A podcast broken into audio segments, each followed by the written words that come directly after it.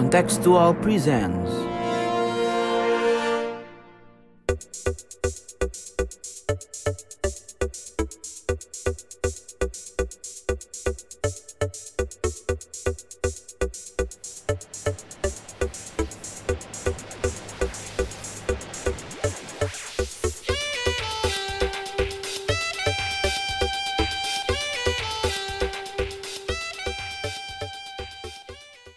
Selamat datang kembali di podcast kasual, katanya kontekstual. Halo, halo semuanya. Menjelang Halo. akhir bulan Ramadan nih. Kita lagi lebaran. nih. berarti ini kita bakal naik eh, hari ini ya, maksudnya tanggal 8 ya. Iya, langsung. Ya. Berarti eh, minggu depan kita off dulu, liburan dulu. Berarti kita ucapin Yoi. Idul Fitri sekarang apa nanti? Nanti aja lah ya habis Idul Fitri. Oh nanti, sekarang. Sekarang Nanti aja, yuk. sekarang kita ini apa eh, mengucapkan selamat tak apa tak apa kalau malam-malam tuh namanya apa? Yang bangun malam-malam di masjid if, Oh, apa? bangun malam. Itikaf, itikaf. Itikaf. Itikaf. Ya Tapi pasti lagi pada jarang ya itikaf ya karena Iya, banyak Iya. kan yang nggak boleh. Iya. Tapi ada itikaf online gue liat kemarin. Yoi. Asik. Asik, gila emang. Anjir. Emang Keren, itikaf di mana pun. Oke, Luar biasa. gimana Raf? Lanjut lah ya, langsung ya. Yoi. Iya, seperti biasa nih, kita bakal menjawab pertanyaan kalian yang udah masuk dalam beberapa hari terakhir. Tentunya bareng gua, ada gue Raffi, ada Hafiz. Halo Hafiz, tadi udah Halo.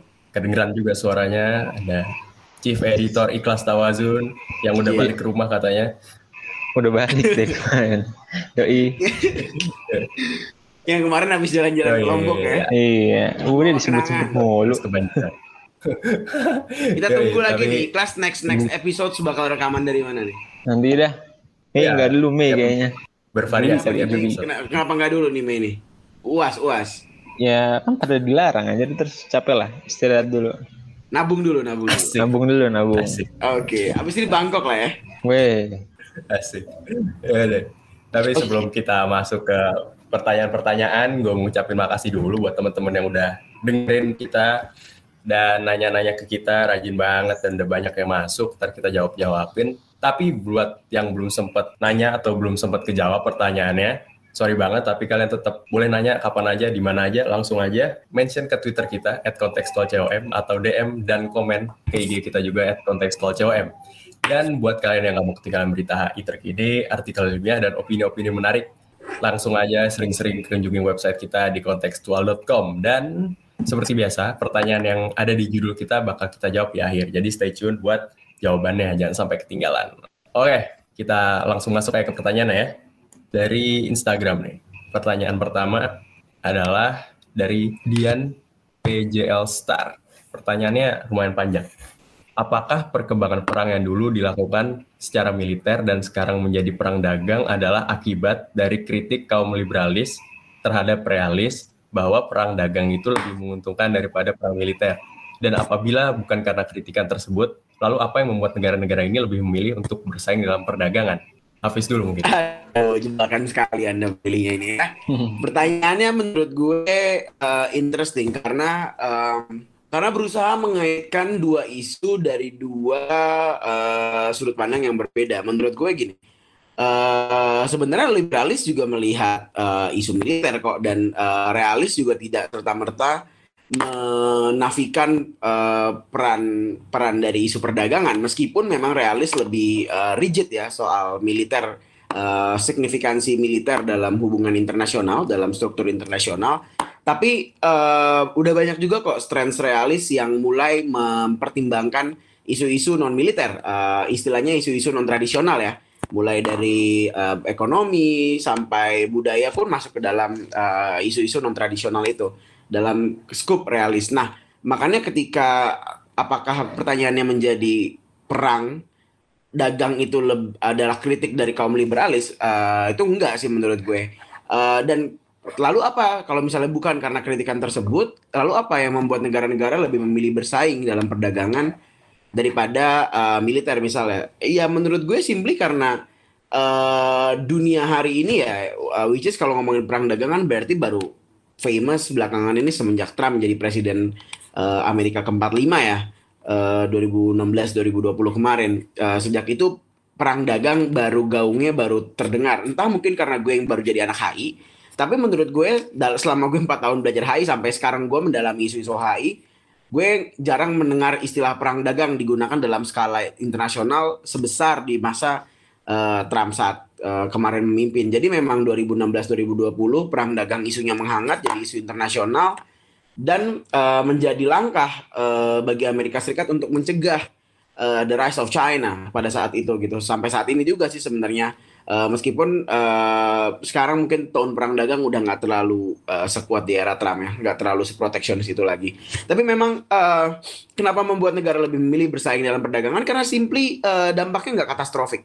Karena kalau kita ngomongin militer, dampak yang digunakan kalau menggunakan militer pada hari ini ya pasti katastrofik. Apalagi kalau involve Amerika Serikat dan negara pemilik nuklir lain ya pasti akan ada nuklir yang ujung-ujungnya nuklir gitu, yang akan menjadi eh, penentu dalam dalam dalam persaingan tersebut. Dan menurut eh, gue dan gue yakin menurut semua pandangan dari experts, at least most of them lah pasti berpikir bahwa eh, menggunakan nuklir adalah sesuatu yang di luar dari di luar dari perhitungan dan di luar dari eh, kemampuan yang bisa diterima, ah, sorry, serang ya damage yang bisa diterima dari sebuah negara. Kalau dulu kan perang, oke, lini terdepan, damage-nya meskipun ini manusia ya involve perang, ada yang tewas dan segala macam, tapi involve dalam tanda kutip hanya 0, sampai mungkin 1-2 persen dari jumlah eh, jumlah eh, penduduk. Ini kenapa gue bilang cuma karena jika dibandingkan dengan nuklir, nuklir itu bisa satu negara wiped out eh, hilang 100% dari dari muka bumi karena eh, perang nuklir. Nah, itu kenapa pada akhirnya negara-negara resort, negara-negara memilih untuk oke lah kita coba tekan tapi lewat isu-isu perdagangan. Dan mungkin eh, ada satu lagi eh, selain perdagangan yaitu adalah isu-isu aturan soal climate change, soal eh, HAM, eh, norma dan segala values yang dibawa itu yang jadi cara neg- negara lain akan negara yang sedang rising atau negara yang dianggap rival dari dia. Instead of menggunakan eh, cara-cara militer karena tadi biayanya terlalu besar, katastrofik dan perdagangan pun eh, isunya lebih eh, meskipun menurut gue perdagangan juga memberikan dampak yang katastrofik tapi tidak serta merta langsung membunuh gitu. Kemiskinan kelaparan hyperinflation di Venezuela itu dampaknya katastrofik. Tapi tetap nggak akan bisa sehancur nuklir. Jadi makanya pada akhirnya negara-negara memilih untuk eh, menggunakan isu perdagangan un- dalam menekan rival-rivalnya gue ngelihatnya sih kayak gitu gimana kelas Oke, eh, setuju banget sama Hafiz tadi dan emang eh, pertanyaan ini cukup menarik menurut gue. Tapi gue mungkin fokus aja eh, antara perang dagang dan perang militernya. Ya, kalau kita lihat dulu pasti ya yang lazim kan perang militer gitu. Karena intinya ya kan perang militer dan perang dagang ini kan kalau disandingin perang militer dengan perang dagang ya itu itu kita lebih bicaranya soal perebutan sumber daya gitu dan gimana ya suatu negara itu bisa mencapai kemakmuran. Nah, ketika zaman dulu eh, negara A gitu yang lihat di negara B itu ada minyak, ada apa emas, ada segala macam sumber daya, ya cara yang paling logis untuk diambil sama mereka ya mereka kuasain itu negara, mereka kuasain itu sumber daya secara langsung gitu loh. Karena eh, itu merupakan cara yang paling simpel dan emang perang itu adalah the normsnya dulu gitu loh. Kalau mau apa-apa ya emang kita eh, seringnya lewat jalur kekerasan gitu. Nah, tapi kan emang di eh, tatanan dunia baru ini ya, terutama di abad 20 ke atas yang udah ada involvement tadi kalau dibilang itu dari eh, arsitektur liberal gitu dalam membentuk tatanan dunia ya dunia ini udah nggak lagi soal semuanya soal perang dan semuanya soal militer dan kekerasan gitu.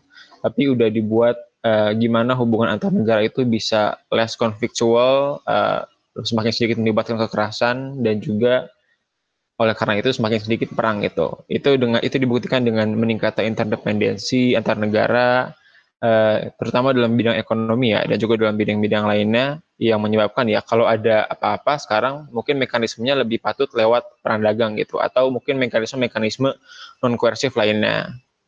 Jadinya kalau ya kalau eh, dari satu negara pada dasarnya kalau orang mau sumber dayanya atau gimana ya kita nggak perang sekarang tapi kita dagang gitu. Kita eh, tukeran sama mereka baik dengan barang kita atau dengan uang tapi kalau akhirnya tujuan itu nggak bisa tersampaikan ya kita bisa eh, menggunakan mekanisme perang dagang atau mungkin tekanan-tekanan diplomatik lainnya kayak embargo atau uh, pengecaman atau bahkan kita tarik-tarikin aja sama isu lain. Ada isu human rights, isu lingkungan, isu labor yang kira-kira bisa ikut apa namanya uh, me-advance our interest gitu ikut uh, menguntungkan kita dan uh, itu sih yang emang wajarnya terjadi sekarang karena kalau mau perang sama kayak Hafiz tadi itu bakal katastrofik dan uh, kalau di dunia sekarang ya ya udah dilihatnya negatif aja gitu kalau perang lu nggak kayak sangat sedikit orang yang support perang itu dibandingkan dengan zaman lalu zaman dulu.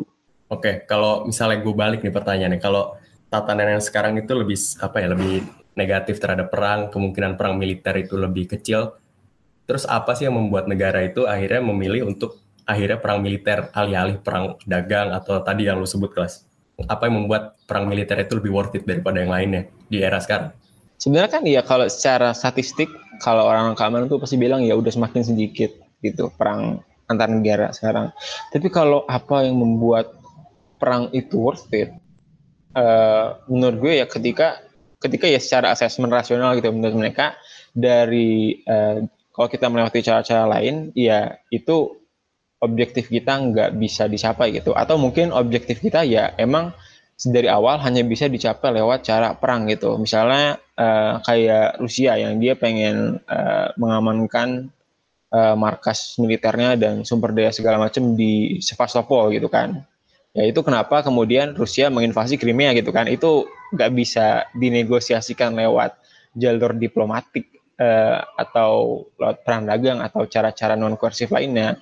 Itu emang harus uh, lewat perang gitu atau uh, ketika ya ada yang dilihat kalau logika realis ya kalau sesuatu itu bisa di kayak preemptive strike gitu misalnya kalau kita ngelihat ada orang sebagai uh, ancaman gitu tapi dia masih kecil dan kita masih gede itu lebih probable buat adanya perang sih dibandingkan kalau uh, apa namanya posisinya udah kurang lebih sama. Jadi uh, kalau menurut gue yang itu tadi dua itu sih objektif nya yang mau diraih yang benar-benar bisa diraihnya cuma lewat perang dan ketika ada ketimpangan uh, power gitu dan itu penting buat lo untuk uh, nyerang gitu. Itu yang betul. mengadakan perang sekarang. Iya betul. Dan um, apa sih yang bisa di sehari ini gitu dianggap sebagai pendorong perang hanya perang yang bisa menyelesaikan masalah tersebut kalau dari analisis gue dari analisis sederhana gue ya gue ada dua hal sumber daya alam dan uh, wilayah in general. Jadi kalau memang ada urusannya dengan uh, pendudukan suatu wilayah, ada urusannya dengan sumber daya alam yang ada di dalamnya, itu biasanya opsi satu-satunya adalah perang. Uh, gak, gak bisa pakai isu-isu uh, lain, gak bisa ditekan pakai isu non militaristik karena ada pendudukan wilayah nih dan pendudukan wilayah hanya bisa dicapai melalui uh, force. Nah, uh, tapi di luar itu menurut gue udah jarang sih isu. Misalnya ayo kita berperang untuk menumpaskan uh, menumpaskan human rights di negara ini gitu. Uh, biar eh, menumpaskan human rights discrimination itu udah uh, jarang banget. Atau malah sekarang perang ya akhirnya negara apa uh, asimetris ya negara ke teroris, negara ke rakyatnya dan uh, itu yang terjadi sih. Konflik ya kalau orang-orang realis bilangnya udah bukan lagi eh bukan bukan lagi. Uh, sorry, um, bisa banyak yang belum menganggap itu sebagai perang, tapi adalah konflik karena asimetris dan bukan antar negara. Oke, oke, oke. Uh, udah puas sih kayaknya ya dari pertanyaan pertama. Kalau gitu kita bisa move on ke pertanyaan kedua. Ini dari Ed bikin satu lagi. Pertanyaannya adalah bagaimana pendapat kalian terkait eskalasi ketegangan di Laut Cina Selatan serta dampaknya terhadap Indonesia? Mengingat Indonesia punya sejumlah keterikatan dengan Republik Rakyat Cina bagaimana keadaan relasi tersebut bisa berdampak kepada sikap Indonesia yang menentang semua klaim China atas Laut Cina Selatan.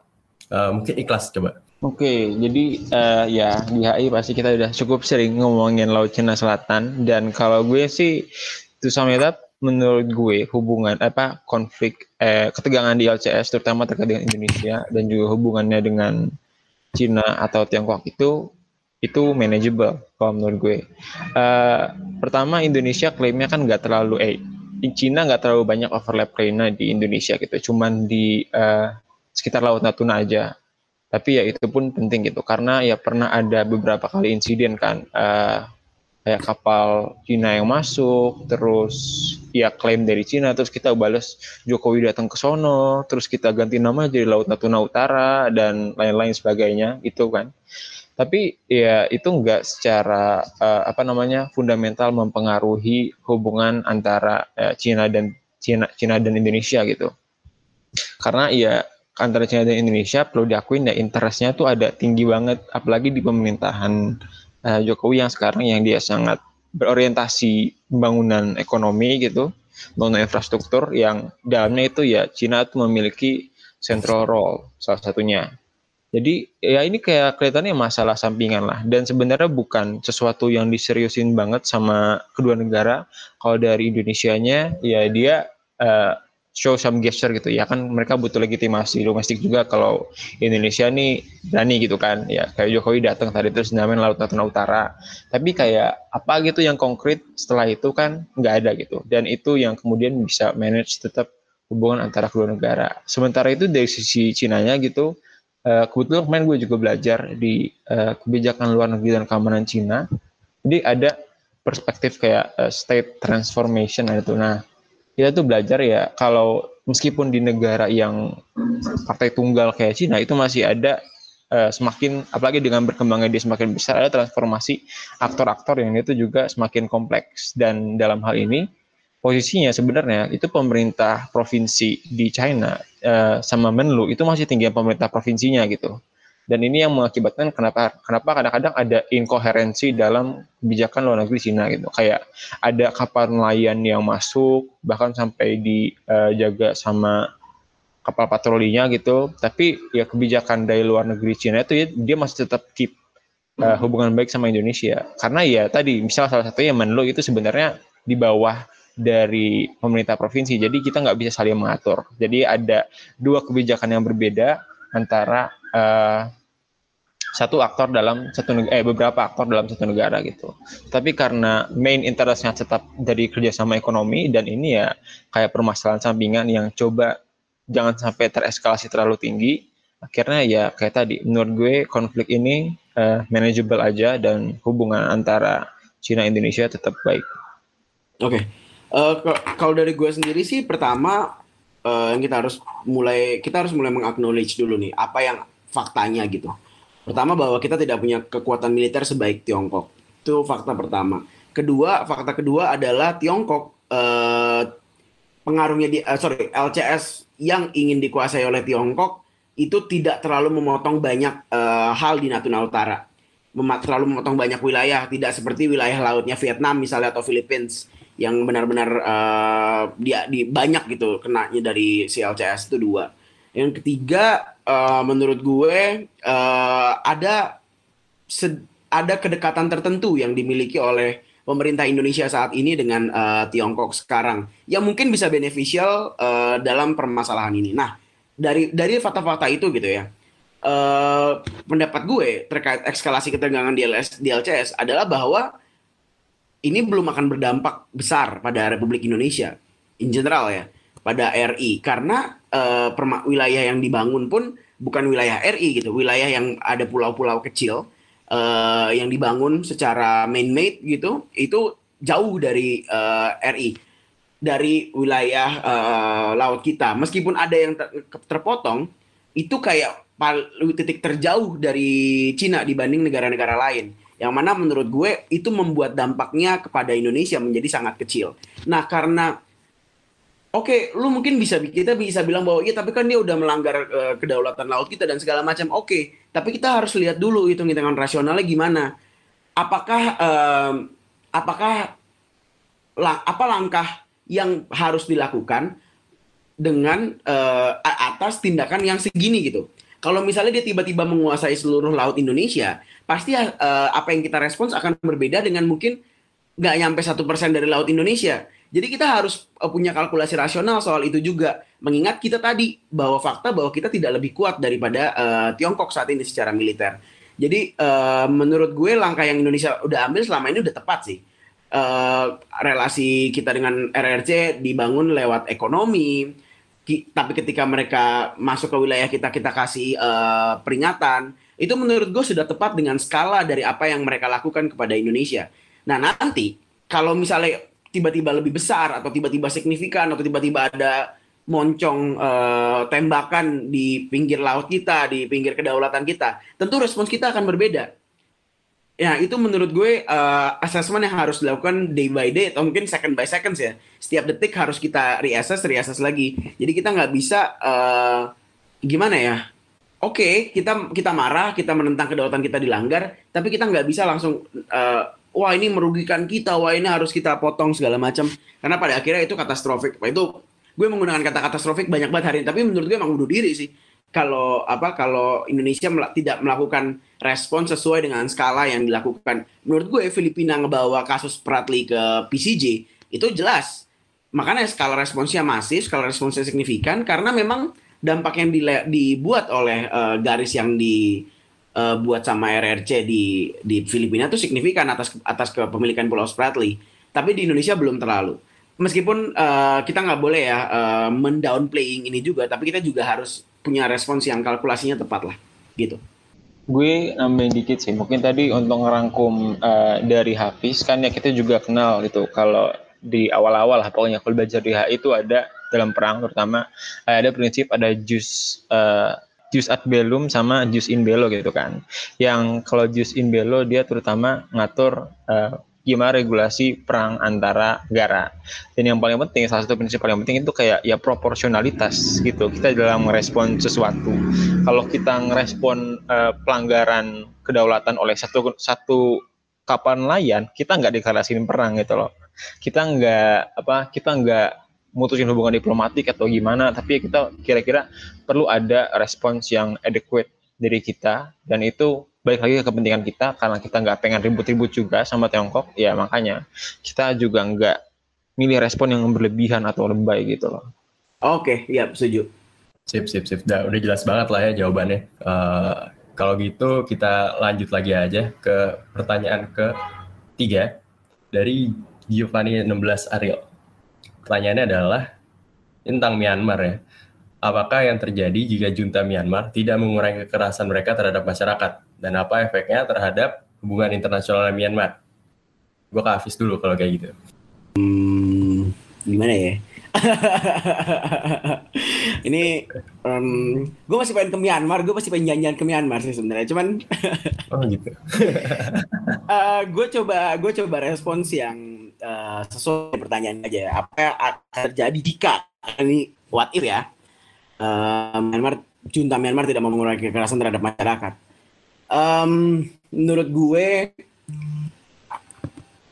menurut gue akan uh, hanya ada dua outcome dari kemungkinan ini. Pertama, masyarakatnya pada akhirnya nyerah, seperti apa yang dilakukan di RRC di Red Square ya, Tiananmen, Red Square sih, Tiananmen Square. Terus um, mungkin apa yang juga dialami oleh warga Korea Utara, mereka ya udah mereka um, menjalani hidup dengan apa yang mereka bisa mereka bisa ambil aja gitu. Oh ya bisanya ini ya dia dia nikmati gitu, menikmati se apa yang bisa dia terima. Jadi uh, ya di sisi lain revolusi karena ini bentuknya kekerasan dan apa dan ada penolakan. Jadi penolakan kan dua akhirnya dua apakah semakin escalating menjadi revolusi dan bisa jadi revolusinya gagal dan kembali ke normal lagi kayak yang gue bilang tadi di awal uh, bahwa ya udah pada akhirnya orang going uh, menerima segala halnya atau ya berhasil gitu kan. Jadi kalau ngomongin what if ada dua ada dua kemungkinan tadi tuh kalau junta Myanmar tidak mau mengurangi kekerasannya terhadap masyarakatnya sendiri. Tapi yang jelas uh, meskipun ada dua kemungkinan efeknya terhadap hubungan internasional Myanmar adalah dia akan semakin kesulitan. Uh, karena hal-hal kayak gini udah menjadi pelanggaran norma bagi value liberal Barat. Yang mana mungkin Myanmar dekat ke Tiongkok, mungkin Myanmar dekat ke negara-negara Asia Tenggara lainnya, tapi nggak semua negara Asia kan uh, apa vakum dari nilai-nilai Barat yang liberal tadi gitu. Ada beberapa negara, contohnya Indonesia yang yang demokrasi yang berteman dengan Myanmar yang pastinya jika melihat kekerasan terhadap masyarakat semasif itu akan bereaksi uh, keras juga kepada uh, Myanmar dan mungkin Barat akan lebih gila lagi uh, ke Myanmar. Tapi uh, so far banyak ya kayak ASEAN kita juga dengerin kalau lo dengerin di podcast bebas aktif ya kayak apa yang lakukan ASEAN juga masih setengah-setengah. Menurut gue masih masih masih normatif responsnya karena ya pertama wait and see, kedua berharap ini bisa diselesaikan oleh masyarakatnya sendiri sebelum benar-benar ada R2P ya, eh, responsibility to protect atau ada intervensi-intervensi yang lebih keras lainnya. Jadi, kalau menurut gue, jika Myanmar terus-terusan merepresi masyarakatnya, teman negara-negara lain yang sekarang udah di hubungan yang udah dijalin dengan negara lain itu pasti akan banyak yang um, uh, deteriorating. Apa sih deteriorating? Memburuk gitu, um, menjadi lebih asam uh, hubungannya. Dan menurut gue itu akan membawa Myanmar jauh lebih mundur lagi, membawa Myanmar lebih kesulitan lagi, meskipun ada support dari Tiongkok. Saya support support Tiongkok pada Myanmar, Myanmar nggak akan bisa survive tanpa dukungan-dukungan dari negara ASEAN misalnya, tanpa dukungan-dukungan dari mungkin negara-negara um, tetangga di sekitarnya yang juga negara-negara dunia ketiga kayak Bangladesh mungkin atau um, seperti baik Bangladesh yang menerima Uighur dan segala macam. Menurut gue Rohingya. Uh, sorry, uh, Rohingya maksud gue kok Uyghur Rohingya maksud gue. Jadi ya uh, that's the point. Dan it will only go down as a bad thing buat Myanmar kalau terus merepresi. Di level internasional paling nggak gitu. Berarti menurut lo dari no room for compromise lah ya? Um, ya menurut gue menurut gue sih uh, what's the point of being a state kalau lu merepresi rakyat lo sendiri apalagi merepresi mayoritas misalnya dari rakyat lo mm-hmm. sendiri gitu. What's the point of a country kalau lo nggak bisa serve the masyarakat gitu kan? Kalau ya lu kan negara adalah bentuk kontrak sosial dari masyarakat. Kalau masyarakatnya nggak setuju sama kontraknya kenapa lu maksa gitu kan? Jadi pada akhirnya sih mungkin lebih banyak yang fleeing the country nanti. Pas ketika uh, revolusi gagal pun pasti akan uh, banyak yang fleeing the country atau junta militer bertahan pasti bakal berusaha untuk kabur dari dari Myanmar. Dan pasti pertumbuhan ekonominya melambat uh, apa uh, kehidupannya makin susah. Ya lihat aja Korea Utara sekarang di tengah covid kayak gini. Nggak di tengah covid aja masyarakatnya hidup dengan di, jauh di bawah garis kemiskinan kan sampai butuh bantuan dari UN jadi ya hal-hal kayak gitu akan expected ke, ke Myanmar kalau terus terusan seperti sekarang sih. Oke oke oke. Ikhlas gimana kelas? Oke, jadi emang gue juga lihat tanda-tanda baru baca berita tadi pagi itu katanya dari Myanmar juga nggak akan menerima uh, ASEAN envoy sampai stabilitas uh, terwujud gitu di Myanmar. Jadi eh, nggak uh, tahu ini which is betting ya? Ya, which is betting karena kan ya kalau ASEAN envoy ya harusnya datangnya secepatnya dan emang ASEAN Envoy itu sendiri buat melakukan mediasi kan buat membantu mewujudkan stabilitas. Kalau nunggu stabilitas dulu baru datang ASEAN Envoy-nya ya pertama kapan stabilitasnya? Dan terus habis itu gimana cara caranya gitu? Makin enggak konkret gitu. menurut gue ini satu satu langkah yang buruk bagi uh, resolu, lima resolusi ASEAN kemarin gitu. Dan ini membawa tadi ke pertanyaannya kira-kira apa hubungan apa efeknya gitu kan terhadap hubungan internasional Myanmar tadi. Ya sama kayak Hafiz tadi sebenarnya menurut gue uh, Myanmar bakal sulit bertahan kalau dia cuma ngandelin dukungan dari Tiongkok gitu dan kalau ya kalau resolusi dari negara-negara ASEAN nggak dijalanin tentu negara-negara ASEAN bakal upset kan. Padahal mereka kayak udah susah-susah nyari uh, ngadain KTT dan segala macam. Tapi kalau ini nggak berhasil jadi presiden buruk juga buat ASEAN gitu. Yang selama ini dibilangnya ya berhasil gitu. Nah, terus kira-kira apakah yang akan terjadi? Sebenarnya uh, ya kan kayak di bebas aktif kayaknya pernah di di ini juga disinggung sama Hafiz kayak dia harapannya intervensi dan menurut gue intervensi adalah salah satu kemungkinan uh, kalau misalnya Myanmar terus merepresi rakyatnya terus terjadi kayak gini cuman pertanyaan gue siapa yang mau intervensi gitu loh. Uh, pertama Tiongkok kan dia ya dia nggak pengen intervensi terlalu jauh udah bilang kita pokoknya ya udah kita cuma pengen Myanmar yang stabil dan gue nggak yakin juga kalau intervensi adalah ya is in their plate gitu. Terus kalau negara-negara ASEAN uh, ya mungkin bisa didorong sampai intervensi tapi intervensi is so not ASEAN gitu loh. Jadi uh, gue nggak kebayang bila ASEAN kemudian intervensi dan ya gue kebayang juga sih mereka frustasi kalau misalnya resolusinya nggak diterapin gitu kan terus mau apa Tapi uh, intervensi itu sendiri juga agak jauh sih kalau menurut gue dari pikiran ASEAN. Sementara itu mereka yang selama ini sering intervensi gitu dari negara-negara uh, Barat, gue juga nggak yakin mereka mau intervensi sekarang gitu loh. Apalagi ya trennya kita lihat belakangan ini ya AS makin pulling out dari memolisikan dunia gitu. Ditambah lagi dengan agenda uh, luar negeri AS yang Presiden Biden sekarang kan ya foreign policy for the middle class gitu kan yang basically perang is not for the middle class gitu loh karena sangat nggak menguntungkan uh, masyarakat Amerika secara luas gitu.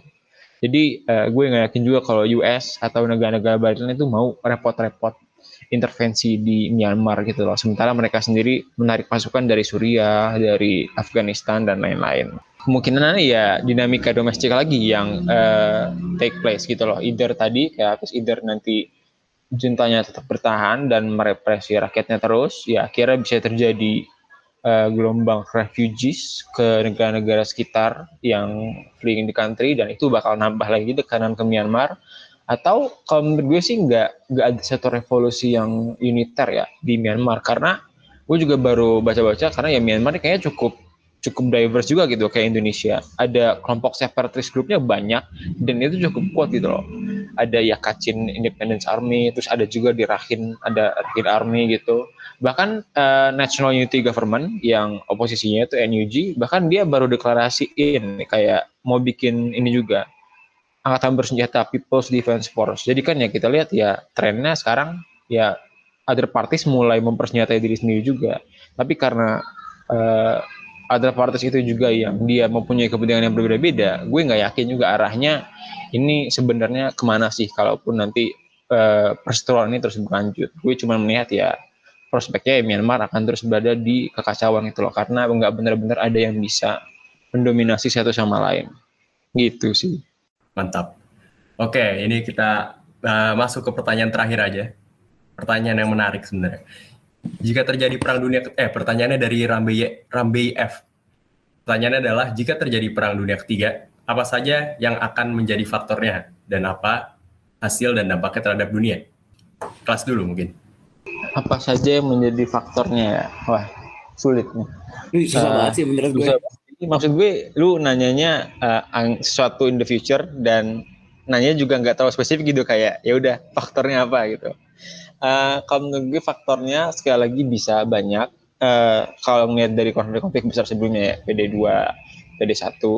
Nah, uh, ya konfliknya yang pertama bisa persaingan hegemonik gitu. Uh, ya most ya paling klasik ya kita tesisnya ya China and US gitu ada dari mereka akhirnya sampai tipping point yang mengharuskan mereka untuk clash satu sama lain uh, dan secara militer gitu sampai benar-benar ada perang itu yang mungkin. Terus kedua uh, paling apa ya? Ya kalau mau kita tarik ke tesis Samuel Huntington bisa kayak Clash of Civilizations gitu dari mereka yang berbeda secara peradaban. Nah, jadi nggak not necessarily harus China versus US, tapi bisa secara garis besar bisa Timur lawan Barat atau peradaban uh, I don't know Islam Hindu gitu melawan peradaban yang sekuler dan lain-lain. Itu apa namanya unsur dari peradaban itu sendiri menurut gue bisa berkontribusi terhadap perang dunia. Dan yang satu lagi menurut gue uh, bisa aja munculnya karena trigger kecil gitu karena ketidaksengajaan. Uh, either itu karena kayak dulu kan kayak perang dunia satu ada siapa sih yang dibunuh? Franz Ferdinand ya itu ya pangeran Franz Ferdinand yang dibunuh terus habis itu langsung meledak. Jadi perang antara Serbia Austria Hongaria terus ikut Rusia terus ikut Jerman. Eskalasinya kan bisa kayak gitu tuh. Jadi uh, gue nggak tahu which country will trigger World War III tapi hal-hal kecil seperti itu bisa ikut men-trigger uh, perang itu. Dan paling satu lagi yang bakal definitely bikin perang yaitu ketika ada salah satu negara yang iseng-iseng dia makan nuklir gitu. Ah, itu udah fix banget perang deh. Udah langsung perang dunia tiga aja lah itu hasil dan dampaknya gimana? Uh, gue nggak tahu dari gue karena ini mikir faktornya aja susah, susah banget, gimana, susah banget. gimana bisa melihat hasil atau dampaknya ya. Tapi ya most likely ketika ada perang dan itu juga perang dunia ya pasca perang dunia itu ada tatanan dunia baru yang terbentuk biasanya. Tatanan kayak gimana? Gue nggak tahu.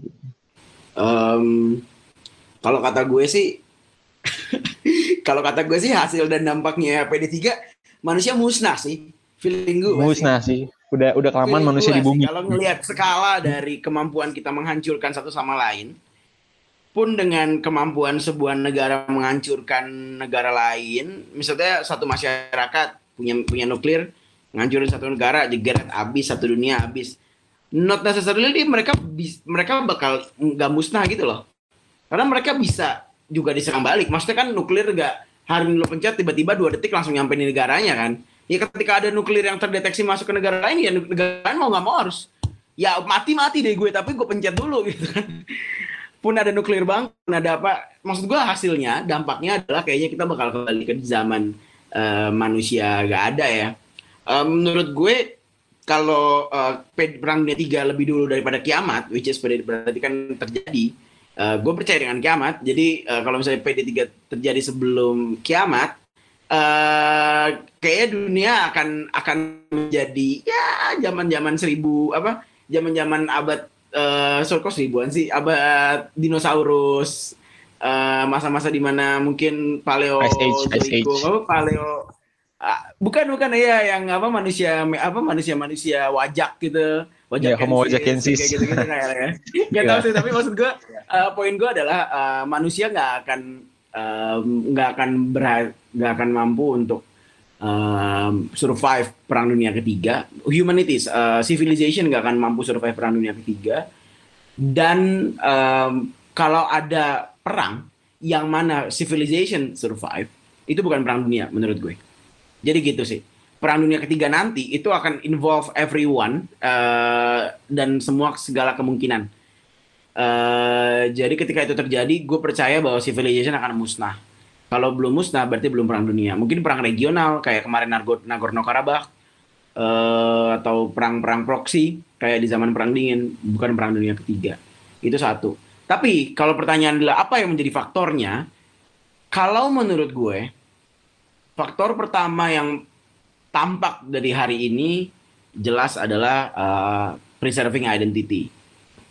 Um, ini menurut gue menyedihkan, tapi ini kenyataannya bahwa masyarakat sedang ber, sedang retreat ke tempat-tempat yang dia merasa nyaman, which is there bisa jadi sesama etnisnya, bisa jadi sesama agamanya, bisa jadi sesama warnanya. It's a sad reality even tapi dari yang sisi kritis pun resort ke dalam eksklusivisme uh, identitas. Ya, yang putih punya Ku Klux Klan, yang uh, lawannya punya Black Lives Matter. Menurut gue, menurut gue, uh, dua-duanya punya, dua-duanya membawa kendaraan identitas. Terlepas dari misinya apa ya. Yang satu mungkin uh, opresor, yang satu mungkin uh, yang diopres dan yang satu berusaha untuk menyerang uh, dan satu berusaha untuk bertahan. Um, atau agama semuanya adalah identitas menurut gue. Dan ya inilah dunia yang kita miliki saat ini gitu. Uh, dunia yang di mana masyarakatnya nyaman dengan identitasnya uh, kembali gitu. Nggak nyam belum uh, kembali tidak nyaman dengan multikulturalisme kembali tidak nyaman dengan globalisme dan segala macam. Ada ada optimisme dalam diri gue bahwa uh, itu bisa memudar lagi, uh, maksudnya orang bisa menerima toleransi, bisa menerima perbedaan identitas tanpa harus konflik. Ada optimisme itu dalam diri gue, tapi kalau PD3 terjadi, faktor utamanya adalah pasti resorting to identities. Uh, kalau tidak identitas, kemungkinan keduanya hanyalah kepentingan tadi yang gue bilang di podcast awal ini geografis atau wilayah. Mungkin ada satu orang lagi yang ingin menguasai dunia lagi, yang berusaha untuk uh, menjadikan satu dunia ini wilayahnya. Sekarang kan kita nggak punya itu kan. Kita nggak punya uh, satu cult, uh, cult, cult leader yang pengen gue akan menaklukkan dunia kayak Napoleon, kayak Hitler, kayak the Romans, kayak the Mongols gitu kan. Gak ada tuh. Uh, sekarang kita nggak punya itu. Nah kalau ada itu ya. lagi, biasanya ah, ada terus banyak sejarah. Exactly. Kenapa? Mungkin karena ada uh, karena ada globalisasi. Orang jadi merasa bahwa dia tidak perlu lagi untuk uh, menguasai satu wilayah untuk menjadikan itu wilayah tempat dia bermain. Ya, nggak tahu sih itu cuma assessment cemen gue, tapi menurut gue uh, salah satunya uh, globalisasi berhasil menahan itu, berhasil menahan cult leader yang berusaha menguasai dunia itu. Um, jadi memang pilihannya dua, menurut gue kalau nggak identity ya itu juga ada identitas kan bahwa uh, dorongannya bisa identitas bahwa semua dunia harus warna kulitnya sama sama gue kita bunuh-bunuhin seluruh dunia atau um, sumber daya alam. Jadi memang uh, identitas atau atau atau wilayah yang akhirnya akan diperebutkan yang akan menjadi faktor utama dari PD3 dan mungkin uh, mungkin pem, pemantiknya sesederhana Franz Ferdinand. Gue bilang itu sederhana ya. Itu cuma pembunuhan terorisme dari suatu wilayah, dari satu anggota dari satu organisasi ke uh, yang seberang, tapi jadi perang uh, dunia satu. Jadi memang uh, kita nggak akan bisa tahu kapan itu mulai, tapi we will know for sure kapan PD3 itu uh, menjadi perang dunia ketika itu berakhir malah. Yang mana mungkin kita nggak akan tahu karena kita udah mati semua. jadi memang hati-hati guys, jangan memulai perang antar identitas karena itu bisa jadi ujungnya perang dunia. Itu aja deh dari gue.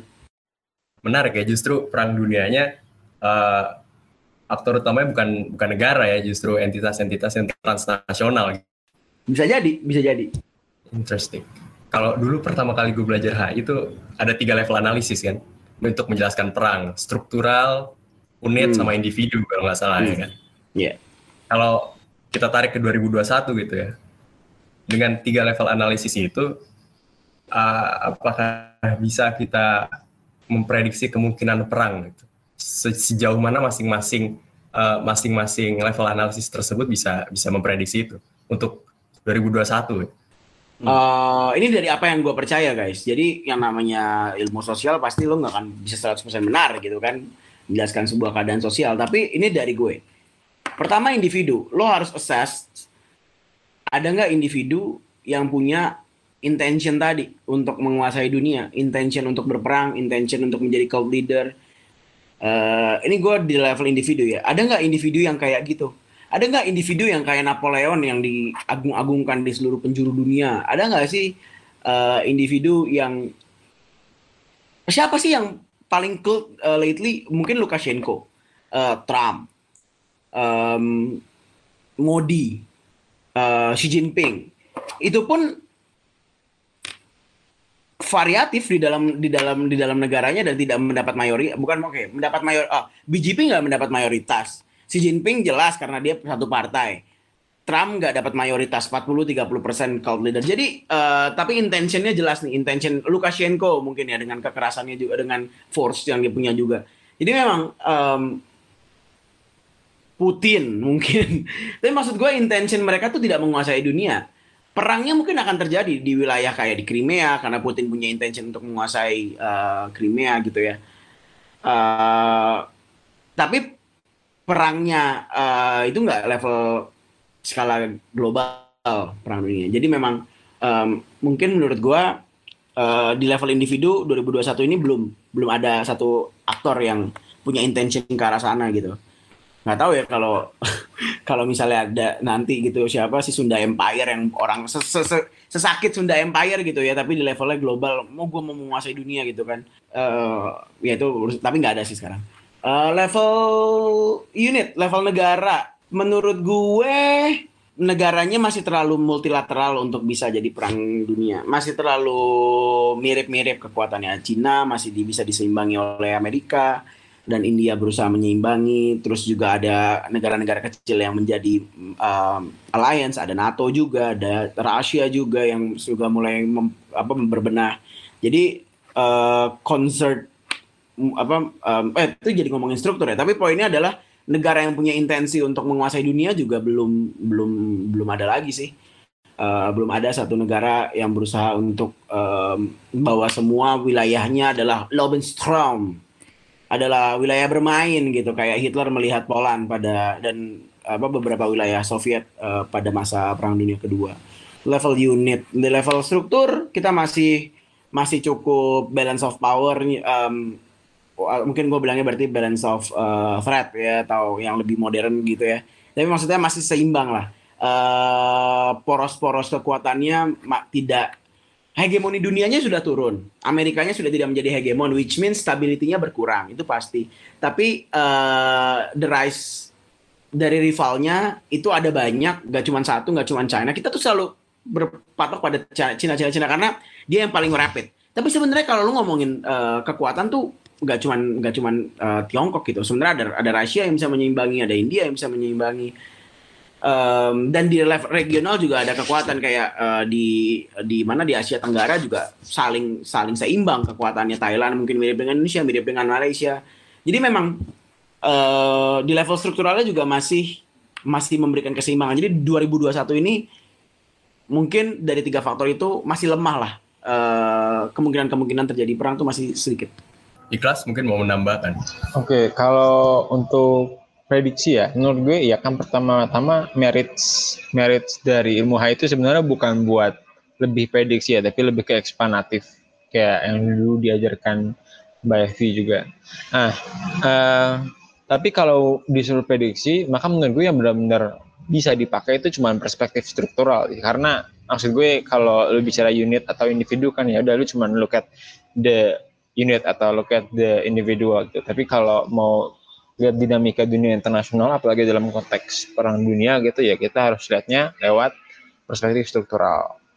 Uh, gimana perang dunia dari perspektif struktural sama sebenarnya ada banyak tadi kesamaan sama Hafiz tadi karena ya dunia ini udah nggak lagi unipolarity yang cuma didominasi sama US dan menurut gue juga nggak tepat kalau kita terlalu fokus ke Tiongkok gitu ya dunia ini kita mesti uh, paham lagi kalau ya dia bentuknya udah ya multipolar.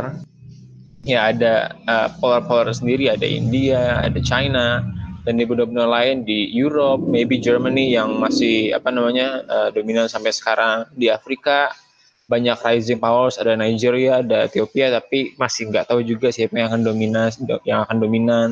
Ada Brazil dan juga di Indonesia mungkin ya kalau mau uh, mengambil peran yang lebih asertif gitu.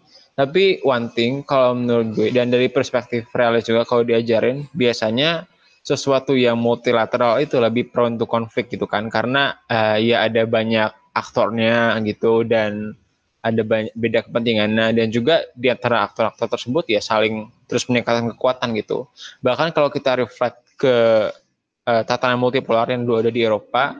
Apa namanya sih gue lupa. Uh, Concert of Europe. Ya, Concert of Europe gitu kan. Itu kan kayak semacam ada unwritten rules di antara mereka ya kayak ya kita nih pengen Eropa damai-damai aja jadi kita coba cegah siapa pun yang akan uh, yang mengakumulasi power gitu yang mengancam nah sekarang kan di dunia ini kita nggak ada kesepakatan kayak gitu kan nggak ada kesepahaman kayak gitu antara negara-negara jadi menurut gue karena ketidakadaannya kesepahaman itu kita jadi lebih prone lagi tuh konflik kebanyakan ya orang orang ya ningkatin eh negara-negara ningkatin kekuatan aja. Cuman ya kita nggak tahu. It's ya mungkin it's kind of miracle juga. Belum pecah konflik sampai sekarang sih di dunia yang seperti ini. Tapi I back to differ sedikit ya kelas ya. Karena gue liberalis gue merasa institusi punya certain degree oh, iya. kemampuan. Kita punya okay. PBB sekarang. Kita oh, kita belum lihat PBB kan? kita punya EU yang katanya Asik. bisa menahan perdamaian di wilayah Eropa lagi kan biar uh, Jerman gak tiba-tiba invasi Perancis terus. Jadi jadi ya. memang uh, insya Allah insya Allah um, kita bisa apa ya kita bisa berrely lah pada pada institusi-institusi internasional. Asik. Paling institusionalis chip chip. Oke oke oke oke.